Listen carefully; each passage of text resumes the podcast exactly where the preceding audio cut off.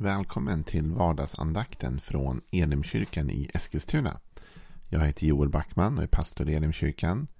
Idag är det onsdag och innan jag går in i dagens andakt så vill jag bara tipsa dig om att ikväll klockan 19.00 så livesänder vi från Elimkyrkan i Eskilstuna vad vi kallar för mirakelonsdag. Det är en timme av bön och lovsång och en liten kort hälsning också från Bibeln. Du kan skriva in dina bibelord där i kommentatorsfältet och så vidare. Men du går in på Elimkyrkan Eskilstunas Facebook-sida. Där hittar du live-länk klockan 19.00 ikväll onsdag. Gör gärna det. Den ligger kvar sen också så att man kan kolla efterhand om det är så. Men då kan man inte få med sina bönämnen in i kommentatorsfältet. Det behöver ske live. Okej, men nu ska vi gå in i Jesaja kapitel 55. Där vi har varit nu en tid och vi har tagit lite olika aspekter. Vi läser tillsammans från vers 1 framåt. Kom alla ni som törstar, kom hit och få vatten. Kom även om ni inte har pengar. Förse er med säd så får ni äta. Kom och få säd utan pengar. Vin och mjölk utan att betala. Varför lägger ni pengar på det som inte är bröd? Er lön på sånt som inte mättar. Lyssna till mig så får ni äta gott och njuta feta rätter. Kom till mig och hör noga på. Lyssna så får ni liv. Jag sluter ett evigt förbund med er. Den nåd jag visat David ska bestå. Honom gjorde jag till ett vittne för folken, till furste och härskare över dem. Du ska kalla på folkslag du inte känner. Folkslag som inte känner dig skyndar till dig för Herren din Guds skull. Israels helige som skänkt dig sin härlighet. Vi har pratat mycket om nu det här kapitlet som en resa. En resa som börjar med liksom att kom alla ni som törstar. Så vi förstår att tilltalet från början är till den som törstar, den som inte har sina behov mötta. Den som, och det kan ju vara på olika plan av livet. Ibland tänker vi ekonomiskt materiellt och det är en aspekt av det. Men det kan också vara att man liksom har känslomässiga behov som inte är tillfredsställda, själsliga, andliga. Det kan vara på så många plan som vi törstar och hungrar.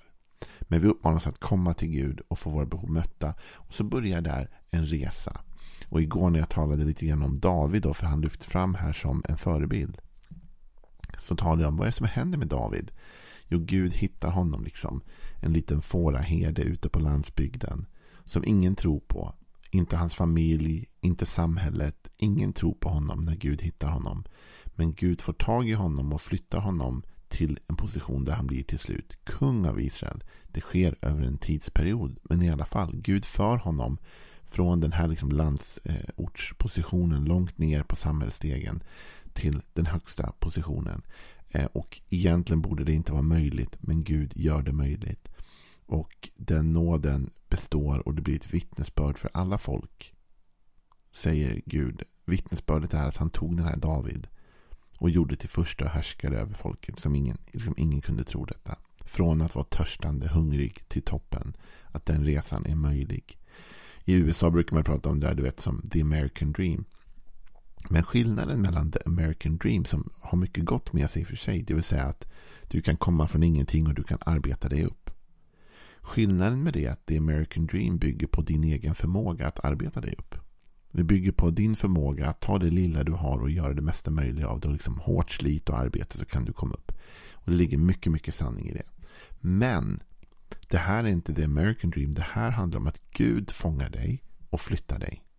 Att Gud tar dig och för dig till en position som du inte själv trodde att du kunde nå. Och nu drar vi ut de här tältpinnarna lite till. Vi breddar perspektivet ytterligare i dagens andakt.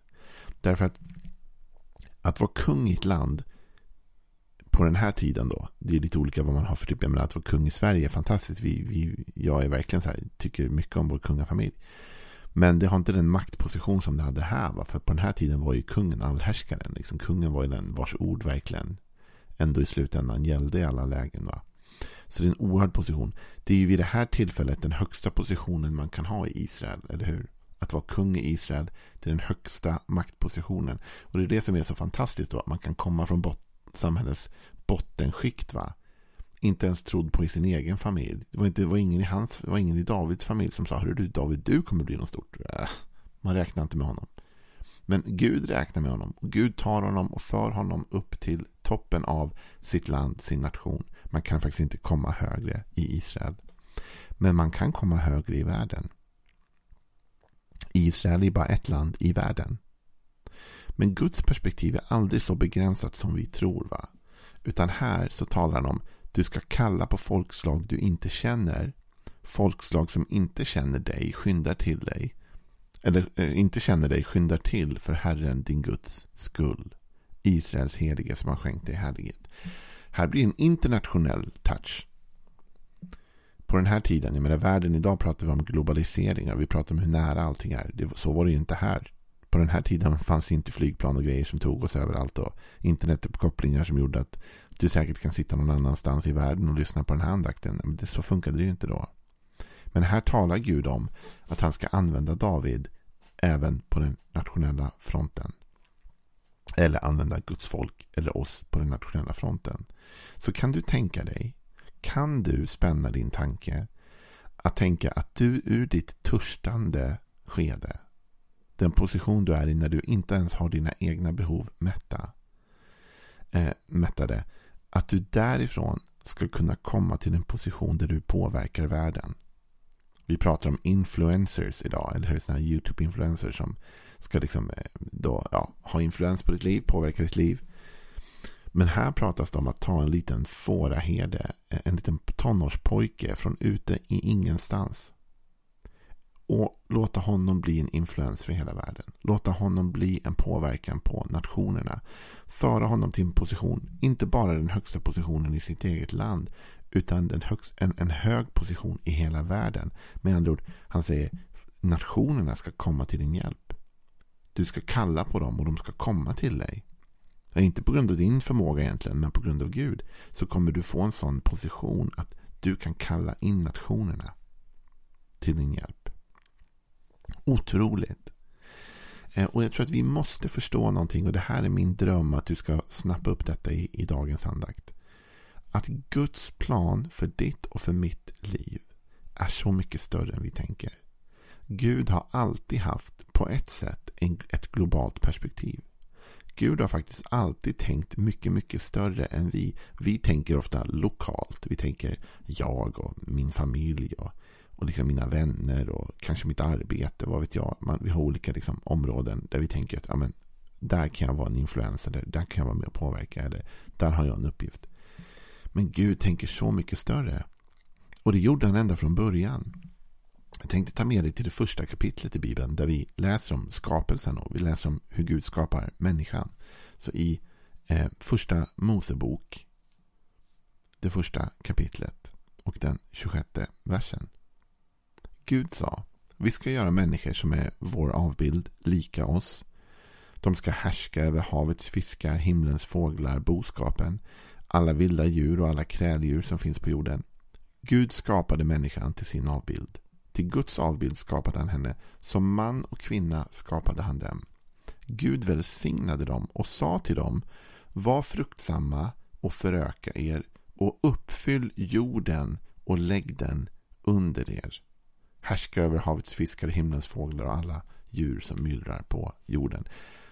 Var fruktsamma föröker, uppfyll jorden och lägg den under er. Så redan här, redan när Gud bara har skapat två människor, Adam och Eva, så säger Gud till dem, ni ska föröka er, ni ska uppfylla jorden och lägga den under er. Med andra ord, ni ska inta hela världen. Alltså det måste ju kännas helt onödigt när det bara är två personer. Vi behöver inte så stor yta. vi, vi kan nöja oss här. Och jag fattar att det här är, är, sker över tid och det sker generationellt och allt det där. Jag fattar det. Men det är en viktig poäng ändå att inse att Guds vilja för Adam och Eva var att deras inflytande till slut skulle ta hela jorden. Så när Gud har skapat dig och mig och han har lagt gåvor i oss och förmågor i oss och han har, har gett oss olika saker. Så har han en tanke va.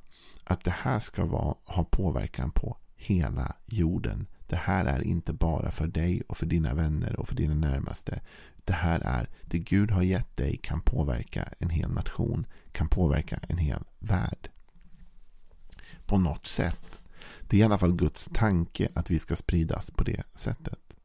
Och det händer något ganska spännande eftersom David har lyft fram Jesaja va, som ett exempel så, så fortsätter vi på den förebilden lite grann. För det händer ju något spännande med David va? och han familj generationellt. Därför att det är ju så att David, han eh, var ju en liten som sagt fåraherde när Gud hittade honom som ingen trodde på. Och Gud tar honom och genom en, en rad saker som händer så blir han till slut kung i Israel. Han når den högsta nationella eh, punkten liksom. David sen får ju familj och det händer lite konstiga grejer. Och han, han får en son som heter Salomo som sen kommer bli kung efter honom. Salomo får han ju med en kvinna som heter Batseba och eh, situationerna kring hur de träffas och vad som händer är absolut inte optimala kan man väl milt sagt uttrycka det. Så Salomo föds in i en liten kaotisk på ett sätt situation. Men han blir kung i Israel efter sin far David i alla fall till slut. Och, och fortsätter liksom resan. Och Salomo, han bygger vidare på det David har gett honom. Och han får vishet av Gud som är unik och speciell. Och han tjänar. Och då ska vi läsa en liten vers ifrån, eh, ifrån andra krönikeboken, det nionde kapitlet. Vad som händer då med Davids barnbarn blir det ju då. Eh, nej, Davids barn. Förlåt, inte barnbarn. Davids barn. Andra krönikeboken 9, vers 1. Drottningen av Saba hade hört ryktet om Salomo och kom till Jerusalem för att sätta Salomo på prov med svåra frågor. Hon hade med sig stora rikedomar, kameler lastade med kryddor, guld i mängd och ädelstenar. Hon kom till Salomo och talade med honom om allt hon hade tänkt på. Och han gav henne svar på alla hennes frågor. Det fanns ingenting som Salomo inte kände till och kunde ge besked om. När drottningen av Saba såg Salomos vishet, såg huset som han hade byggt och rätterna på hans bord, såg hovmännen sitta där och tjänarna och munskänkarna i sina dräkter passa upp, såg offren han frambar i Herrens hus, då blev hon andlös av häpnad och hon sa till kungen, det var alltså sant det jag hörde i mitt land om dig och din vishet. Jag kunde inte tro vad man berättade förrän jag kom hit och fick se det med egna ögon. Ändå hade man inte ens berättat hälften för mig om vidden av din vishet. Du överträffar allt jag har fått höra. Lyckliga dina män och lyckliga dessa dina tjänare som ständigt står inför dig och får lyssna till din vishet. Herren din Gud var det lovad.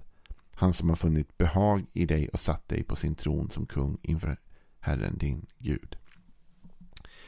Här kommer alltså en drottning från ett annat land och hon säger att hon kommer till Salomo. Varför?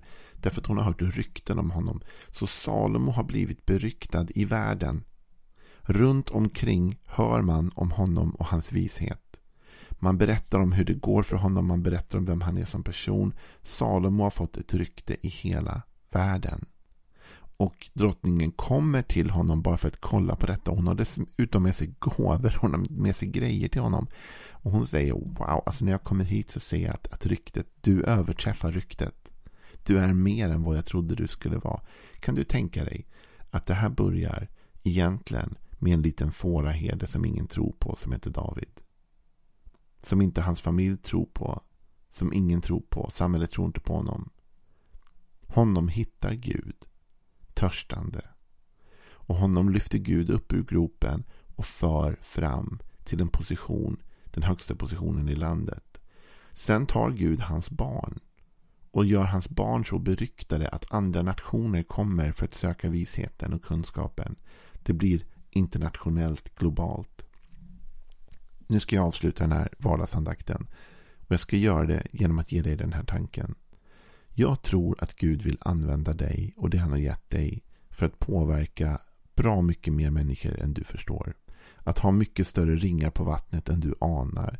Gud tänker inte bara dina vänner, din familj. Han tänker nationellt. Han tänker kanske till och med internationellt. Det Gud har lagt på ditt hjärta är för hela världen. Och aldrig har vi levt i en tid där vi faktiskt kan använda det Gud har gett oss på ett så globalt sätt. Vad det innebär för dig det får du be och fundera över. Men du ska inte låta dig själv begränsas. Begränsningen är inte från Gud. Gud vill att vi ska föröka oss och uppfylla hela jorden. Ta med dig din tanke idag och så önskar jag att du får en riktigt välsignad onsdag. Hej då.